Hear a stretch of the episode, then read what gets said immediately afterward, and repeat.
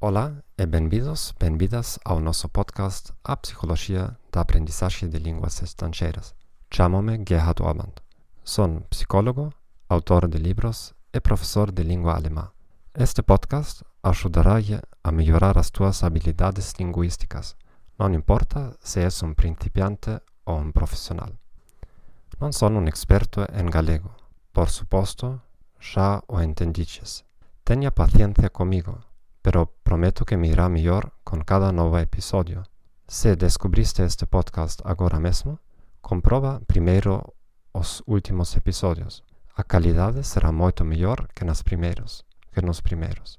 O tema do episódio de hoje é este: Como sei que aprendi o suficiente? Espero que não te perdiste o nosso último episódio, o efeito Dunning-Kruger e o perigo de seguir com professores seguros. Podes atopar todos os episódios de podcast no nosso arquivo.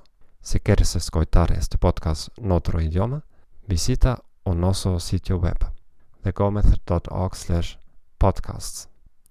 Saboteas o teu próprio êxito na aprendizagem de uma língua estrangeira e estás a perder o teu tempo e cartas por atividades improdutivas? Descubra, descubre os 21 erros que cometi nos últimos 20 anos e aprende a evitarlos lendo o meu mais novo livro 21 Self-Limiting Beliefs in Learning a Foreign Language Smashed. O livro está disponível em formato de peto e em formato Kindle em Amazon. Podes atopar a ligação direta aqui no sítio do podcast. Comecemos. Como sei que aprendi o suficiente? A maioria de vocês provavelmente já adivinharia a resposta politicamente correta, Nunca debemos deixar de aprender. Por lo menos, esta é a resposta socialmente desejável. Escoitamos isto muitas vezes. Necessitamos estar aprendendo sempre. A aprendizagem ao longo da vida foi, desde há décadas, um conceito de moda. Não obstante, na ciência econômica existe a lei da utilidade diminuída. Quanto mais se engade do mesmo, menos importante, menos valioso será para ti a última adición. Imagina que conoces cero palabras en un nuevo idioma, por, por, por ejemplo, en vietnamita. Si aprendes as duas mil palabras más empregadas, esto será una boa mejora para tu comunicación con otras personas. Si aprendes duas mil palabras más, beneficiarás, por supuesto, pero não sentirás uma diferença tão grande.